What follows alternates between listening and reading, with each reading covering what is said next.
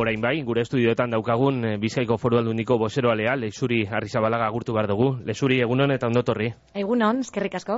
Lastar baten eh, egingo dugu berba, e, Guggenheim Urdaibai museoari buruz eta eider gotxik esandako batzuk akaso e, erantzuteko goa eukizeinke, e, berbago horrak erabili dauselako e, ontsa bertan Bizkai irratian. Atzo bertan urkullu lendakariak esan eban e, Bilbao Guggenheim museoak plan estrategiko barria diseinau behar dauela eta New Yorken Guggenheim museoa daukan egoitza horretan, ba, zuzendaritza aldaketea etorriko dala laster, ekainean bagilean gitsi gora bera. E, hortik arago, zeintzuk zalantzek edo, zeintzuk aurre ikuspenek eruan zaitue bi urteko gogo eta sasoi hau hartzera? Ez dut pentsetan dala bapateko e, notizi bet. E, aurreko patronatoan be, e, bueno, erabaki hau hartuta egoan e, egutegiaren barruen aurreikuspen bat dago, proiektua zehazteko aurreikuspen hori, baina proiektua zehatza alizetako, e, badira, aurretia segin bar direzan behar batzuk, e, plangintza, irigintza e, plangintzak aldatu egin bar dire, deskontaminazio lanak egin bar dire, parte arte, parte hartze prozesu bat ben martxan jarri behar da, guzti hori egin barik, ezin izango da e, proiektua zehaztu. Horregatik, bi urteko aurreikuspen hori dago. Lan guzti hauek denboraz egin behar direz, eta honek gauzatzen direzenean proiektua zehatza e, izen, al, izenalko da, eta orduen bai, iritargo guztiari eta bizkaiko biztalengo guztiari azaldu alkoiako ondo eta zehatz zertan datzan proiektu hau. Baina aurretiko lan akorrek egin barik ezin izango da proiektua zehaztu, batak bestea daroa. Herritarrek ondo ondo haitu da gien. E, Unai rementeriaren sasoiko gobernu hortako asmoak hau da. E, muruetako eta daliako eraikinena, e, eraikin bana, leku bakotxean. Eta horre konektak, konektetako bost kilometroko bide berdearena mantentzen da, airean dago edo aldatu leiteke. Elburua hori da, baina horretara heldu alizetako, esan, esan dodan moduen, aurretik bestelako behar batzuk egin bar dire, lurrek deskontaminauen behar dire, eraikinak batzuk botau egin bar dire, beste batzuk egokitu egin behar dire, e, transizio ekologikoko ministeritza gazbe hartutako akordio horrek gauzatu egin behar dire, e, hainbet lan dauz, e, plan hori aurrera eroan alizetako, eta horrek ez badire egiten, ezin izango dire gauzatu. Elisabete Txanobek atzo esan eban, bi urte honeetan, e, zirtala sartera bakiten dan bitartean, urigintza planetan aldaketak bultzatuko dirala, hori egiterakoan, herri kontsultak egitea be kontuan hartuko dala, e, balizko kontsulta horreetatik urtengo leukenak museoaren bideragarritasuna markauleike? Alan da, e, irigintza planak aldatu egin behar dire eta horren baitan e, parte hartze prozesuak dagoz. Herritarrak eta busturialdeko ausotarrak entzun egingo dire. Proiektua be azaldu egingo jake, nik uste dodalako orain arte ez talako ondo azaldu edo berariaz azaldu informazio falta egon dalako ez, ba, behar guzti hauek egin barik egon direzelako. Eta egiten direzen inean informazio gehiago e, datorren e, einean e, guzti hau zabaldu egingo da eta esan dodan moduen herritarrak entzun egingo dira eta euren ekarpenak jaso egingo dira. Eta ziur nau, euren e, ekarpenakaz e, aberastu egingo dala proiektu, baina bebai, ziur nau, informazio guztia jasotzen denean ikusiko dereala e, Guggenheim bai proiektua aukera on bat dala busturialdearentzako eta ez dala mehatzu bat, eta bat egiten dauela inguru giroarekin eta errespetu e, dauela. Proiektu barritzaile bat da, guztiz, kultura eta natura ustartzen dausenak, eta horretarako lekurik aproposana e, urdai bai eta busturialdeako eskualdea da. Eta benetan aukera da eskualde honentzako. Elisabete Txanobek berak atzo eh, ajurianean eh, esaten eban, proiektu hau busturialdeari begirako plan integral baten zati bat izango litzatekela, Bizkaiko foru aldundiak, hortxeka joian badaukaz, berrogoi milioi euro, eh, una irrementeriaren gobernu sasoitik, Espainiako gobernuak, beste berrogoi milioi euro eh, pareue basan, gitxi gora bera, egun da hogeta mar milioi euroko aurrekontua eukileiken proiektu handi bati buruz berbazgabiz, naiz eta konbentzi duta egon Europan desalere zelera zino ekonomikoa igerten hasten danean e, olako proiektu batek bere alakoan diru hori guztia suposatzeak zalantzaren bat sortzen dau? E, zalantzak beti sortzen dire, baina alako proiektu handiek e, inbertsio handia berde hori bebai, da bultzada bebai. E, ziurtasune falta hau, e, bueno, ez da e, gaur egunekoa, historian zehar be eukin izen dugu, eta hala ere, ba, bueno, bizkaiko eta euskal erakundeok beti modu sendoan apostu egin dutenean, inbertsio e, maiganean jarri da, eta aurrera eraman alizen da alako proiektu bat, guk uste dugu beharrezkoa dela, alako proiektu bat e, busturi aldera eroatea, eta beraz, e, ziur ziurgabetasun egoera honetan biziarren e, inbertsioak aurrera egin bar dauela eta apostu sendoa dela. Stop Guggenheim urdaibai plataformako eider gotxik eh, esan dago ontxe momentuan eta eta EH Bilduk atzo gabaz esan eban eh, erabaki honen atzean estrategia elektorala edo hauteskunde usaina igerten dabela berba horren aurrean foru aldundiak zer esan bar dau? Basteko la ze ikusirik e, alako gauzekin. Ganera, e, bitu, e, ikusirik, ez, adibidez alderdi politikoen eseskoa dagoela, guretzago errezago izango zan, hau aurreratu izana, edo atzeratu izana, baina ez da holan izan, gu ez gauzelako hauteskundei txaroten, ez hauteskundei begira, e, guk e, proiektu honek dekozan momentu guztiak, eroaten ari gare toketan e, jakonean, eta zintxotasunez, eta gardentasunagaz, ari gara proiektu hau aurrera eroaten ontze toketan da e, planean e, irigintza planeamenduak edo irigintza planak e, aldatzea. Ontze toketen da parte hartze prozesua martxan e, jartea eta ontze toketan da e, bebai herritarrakas kontrastea egitea. E, guretzako ez da e, e, guk ez dugu aukeratu sasoi honetan gauza horiek egitea toketea. Ala beharrez alan suertau da eta holan egingo dugu. Eta igual guretzako errezagoa izango zan sandu dan moduan atzeratzea edo aurreratu izana ba hauteskundeakaz batez egiteko, baina gu, bueno, erantzukizunez jokatzen dugu une oro, eta oin tokaten dana hau aurrera eroate da, gure apostua da, eta ganera konbentzi dute gagoz, ona dala zako. Eta lentsa dugu haitatutako herri kontsulta horrek egitea, eskualde mailan busturi aldean bat eta bakarra egitea aurre ikusita dago, edo logikoena herririk herri, herri kontsultak egitea izango litzateke?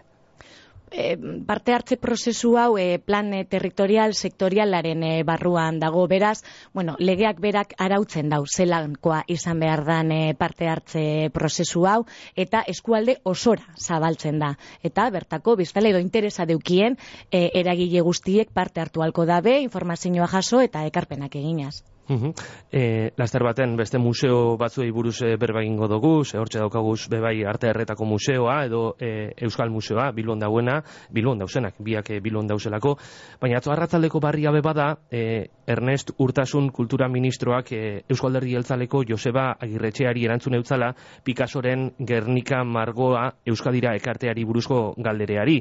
Esanaz, berak badakiala, Urtasunek badakiala, e, aldarrikapen historikoa dela, errebindikazio historikoa dela eta hor geratu zan, ez eban e, bestelakorik esan. E, kultura ministerioa sumarren esku e, egoteak gai honetan nobedaderik ekarri leikela uste dozu? E, nik ez dut pentsetan kolore baten edo besten kontu izetea, ez? E, nik uste dut, bueno, ba, ministro barri honega, soin konfidantzak, ez? landu behar direzela, eta helarazi, ez? Apurbe eta aukideien bebai empatia hori, ez? E, guk historikoki aldarrikatu dugu Gernika, Gernikara e, etorri barko leukela, holan ulertzen e, dugulako, da, bueno, ba, saiatuko gara, Eusko Alderri geltzale bezala, eta baita ere erakunde bezala, konbentzi duten, eta, bueno, ba, arrazoiak e, emoten. Arte derretako museoa e, ez ditan dagoala esan genke. 2008an bizitarien errekorra eukieban, eta une honetan museoaren barritze eta handitze lanak hasita dagoz, barikoan bertan, goiko solairua txapela hori eutxiko dauen lehenengo zutabetariko bat, ube e, formakoa ipinten ikusi gendu zan hango teknikariak, e, urrengo hilabeteetan zutabe gehiago ikusiko doguz? Bai, bueno, zutabe atire printzipalenak e, gero ganean joango, zan, joango dan estruktura barri hori sostengatzeko. Pasan urtean, hasi ziren eh, obrak, baina lurraspikoak izen dire, ezta? Orain arte ezin izen dugu zikusi. Eta behin eh, zutabe hori jarrita gero pasadan barikoan, e, ja, ba, bueno, zirrara eta bestelako ilusio bat sortu da. Ezta? Ez bakarrik proiektuaren inguruan gauzen pertsonetzako, baita ere bizkaiko eta bilboko biztan lenguaren zako. Ja, ja ikusgarria da, obra eta purka-purke ikusiko dugu zelan ba Norman Fosterren e, eta Luis Marin Uriarten e, proiektu hori ba forma forma hartuten doan, ezta? Benetan nik uste dut e, ikusgarri ikusgarri edala eta sekulako proiektzioa emongo dotzola, bai Bilbori eta baita ere lurraldeari. Eta goiko zuelo hiru hori, txapela hori zelakoa izango da? Bueno, e, akristalaue, argi asko dune, metro asko emongo dotzoz e, museoari, eta, bueno, behar izana, behar izana egonda. Eta e, nik uste dut, e, gainera egingo dauela e, inguru giroagaz, ez, e, atsegin edo inguru, giroa, inguru giroagaz e, batera doan e, proiektu bat dala. Ez dala bapateko e, eraikin e, handi bate suertauko, ez, eta ondo ustartuko direzela e, parkea eta gaur eguneko eraikin biak, klasikoa eta garaikidea, ba, bueno, e, eraikin berri honegaz batera. Irurak ustarturik, kontzeptu barri bat, garbiago bat, argiago bat eta zabalago bat e, emongo deurie. Aurrikusitako epean amaituta egongo da? Printzipioz bai, e, aurre ikuspena hori zera, datorren urteko, 2008 bosteko udaberrirako bukatuta egongo da. Uh -huh. e, una muno plazaragoaz, e, eta Doña Kasila Parkea albo batera itxiko dugu, eta Euskal Museoan sartuko gara, erabarritze fasea zelan dabil? Bai, ba, Euskal Museoaren eraberritze eraberritze hori be bai, ba, bueno, bete-betean dago momentu honetan eraikina utzik dago barrutik egia san impresioa eta dana emoten dau e, ikustea, da bardin gutzako be oso proiektu ba ilusio donu dena da, ezta? E, oso ona izango dela baita ere Bilborentzako eta Bizkaiarentzako e, aspaldiko kontua san barristapen hori eta e, handitze, handitze hori e, espazio faltan be eukin izan dugu Euskal Museoa eta obra obra honek ba, behar izan guztio horriei erantzuna emongo dut. Aurreko foru gobernuak esan eban, e, lekeition eta inguruetan le baiko iparralde horretan dagozan e, koben ondarea izugarri baliotzua dala. E, oraingo foru gobernuak hori balioan jarteko asmorik dauka eta holan bada zelako proiektua izango litzateke? Ez bakarrik, e, lekeiti onguk lurraldean dekogune labar artea eta e, historia aurreko e, ondasuna, bueno, oso oso aberatza da, lurralde osoan, e, esan bezala, eta gure asmoa bai da, hau, berau jagotea eta balioan jartea. Badeko guzorre proiektu ezberdinak, bizkaia danontzat, gure e, gobernu planean e, aurre ikusitakoak, eta batan bat nik azpimarratuko banuke ja argi edala eta definitute dagoela e, santimamineko kobasulen esperientza barria izango zan adibidez. Ezta teknologia barriakaz e, baliatuz, ba, bueno, e, biztan legoak eta bizitariek aukera izango deurie esperientzia berri bat eukiteko, ez? E, alako e, espazioak jagon egin bar dire, murriztu eta auki deurie bizitarien e, e, sarrera eta adibidez teknologia berriek lagunduko dozkue, ez? Ba, bueno, beste modu batean ikusi alizetako eta bizitatu alizetako modu virtual batean eta horrek aukera emongo dotzo jende gehiagori ezaguteko. Ez? Eta, eta zelakoa izango da, irudimentsinoan oinarrituta ongo da, edo bai. adimen artifiziala gongo da hortze? E, Printzipioz, irude e, kasko batzuen e, bitartez, baina egia da adimen artifiziala oso fuerte eta sendo sartu dala gaur egunean e, gure mundu honetan bebai eta horretaz baliatuz bebai, ba, bestelako pausu batzuk emoteko asmoa badaukaguz eta aukera ezberdinak eta aukera barriak sortuko dire. Uh -huh. e, kobetatik eskultu kulturetara egingo dugu salto, Eduardo Txigidaren mendeurrena, aikatu dugu oraintzu orain dalak eta, eta gogoratu gendun bebai Gernikako batzarre etxetik gertu hortxe, aitaren etxea eskulturea daukala, e, Txigidaren familiak, e, baina bada, bizkaian, e, izen handiko beste eskultore bat, bermeon jaiotakoa, orain dela eun urte, Udabarrian, eun urte beteko dira Nestor Basterretxea eskultorea jaiosala. Basterretxearen mendeurrenari kinu egiteko erakusketa edo egitaldi berezirik buruan bai? Bai, bagabiz horretan bebai, Nestor Basterretxeari aitortza egitea e, uste dote importantea dala, gure bueno, eskulturerik e, garrantzitsunetarikoa da, e, garai e, garaikidea behintzat, eta e, ba, behai, 2008 laugarren urte honetan zehar, bueno, ba, gabiltza prestatzen, berari, bere, omen alditzoa, edo aitortza berezia, gainera kinu bereziekin, berme hori, eta, bueno, ba, gure foru eraikinei baita ere. Orduan, e, berme hori atxikituko litzakio, e, omenaldi hori, edo balizko erakusketa berezi hori, baina, baina bizkaian zehar be, egongo litzateke zeo zer. Bai, nahiago dut ondino karren ez ez e, aurreratutea, ba, bueno, egingo dalako bere momentuan dagokio hone aurkezpena, baina bai buruan dekogu eta bagabiz e, prestatuten Nestor Baster, Basterretxeari omen alditzoa urte hurren honetan. Zure zailaren aurrekontu proposamenaren aurkezpenean e, batzar nagusietako batzordean esan zendun, e, bizkaiereari aparteko bultzadea emon gure dautzala e, foru aldundiak. Zehatzagoa salduta, zertan datza bultzada hori? Bultzada hori, e, bueno, garrantzia emotea, adibidez izen lehi, ez, e, guk e, adibidez e, politikariok, euskera erabiltzen dugunean, adibidez, bizkaieraz beberba egitea, ez, bizkaitarrok garenok hori bebai, bada bultzadea emotea, ez da, ikustaraztea, bueno, ba, e, entzuleok gaur gu hemen bizkaieraz e, e, berbetan entzun izatea, bada bultzada bat. Finantziazioaren partetik be, hitz egiten e, bagabiz, ba, bueno, gure oiko aliatuak direzenak bebai, bizkaia, bizkaieraren e, bultzadean be, ba, bueno, ba, jasoko dea bestelako inbertsio bat badeko guz bestelako proiektu batzuk be bai hause martxan jarri alizateko eta balioan jarri alizateko eta bueno e, urte honetan zehar bakarrik ez gure asmoa legealdi osoan zehar bultzadea hori emotea da eta euskararen erabileraren bastakit handitze horrenez e, erronkan edo helburu hori bilatuz bizkaiera be izan dagiela erabiltzen dana bizkaian Bizkaieraz, begonia ikastolan, baino ez da euneko eunean esten, e, bizkaierea desagertuta dago beste eskola edo ikastoletatik. DBH edo batxillergoan, aukera askeko asignaturales, Euskalkien oinarrizko edo kitxineko ezagutza bat planteatzea, astakeri alitzateke edo planteagarria izan daitekela uste dozu. Bueno, hori gure eskumenetatik eh, atago guk esteko eskuntza eskumena eta beraz ezingo neke honen eh, inguruan eh, eh, esan. Baina, baina eskuntzaren munduan doza gutzen dozu, Eusko Legitzarretik zatoz, eskuntza batzordean egon zara eta jokin bildarratze gaz makina bat eh, batzar eukitakoa zara. Bai, bai, nik eh, ontze berton ez dote eh, eskuntzaren eskumena duen inolako erakunderen eh, izenean eh, berba egiten nire eritzia izango litzateke, niretzako oso interesgarria eta berazgarria izango litzateke, baina badinotzut nien esela inor honen inguruan orain e, eritzirik emoteko.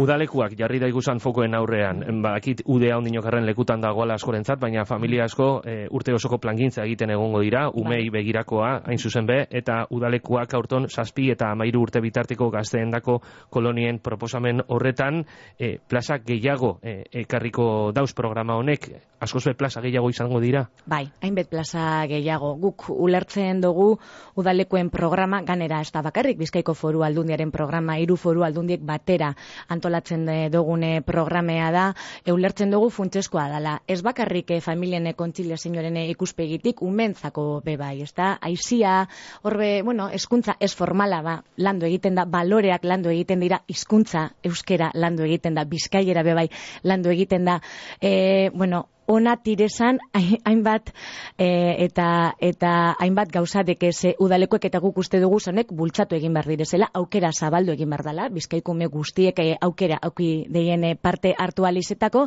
eta bestelako e, ikuspegi batzuk txertatu alizetako be bai bueno ba kultura arloa be bai gehi hau e, ustartutea gustatuko likigu hor gabiltza ez? Urrengo urterako pliegoak be bai bueno ba aztertzen zelan txertatu e, dantzan gehiago antzerki gehiago arte gehiago hori bere interesgarria e, izango zala e, uste dugu, eta bueno, asmoa hori zera apurka-apurka, urtero urtero, gero eta e, aukera edo eskari interesgarriagoa egitea. Bihar bertan, e, fitur hasiko da, Madrilen, e, bihartik domekara bitartean makina bat e, turismo eskaintza izango dira, eta bizkaiko lurraldeko batzu be e, izango dira, antxe, okerrez hau bizkaiko foru aldundiak e, autobusat prestau dau, eta hortxe, landa garapenerako eta turismo alkartetak ordezkaria joango dira, euren proiektuak aurkesten aurton, azpimarra, zertan jarriko dozue?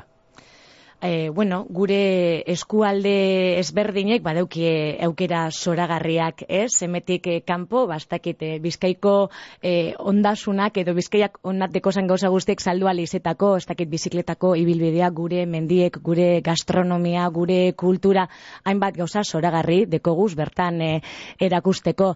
Nik uste dut importantea dela bebai zelan, e, bueno, e, datorren e, urtean, e, bueno, parkatu, e, maiatzen nogeta bostean, e, Europa eh, parkatu, emakumezkoen Europa Ligen finala jokatuko dala hemen e, Bilbon, e, San eta hori bebai erakus leio importantea izan alda. Bai Bilbo, Bilbo entzako, eta baita ere Bizkaia, Bizkaia rentzako.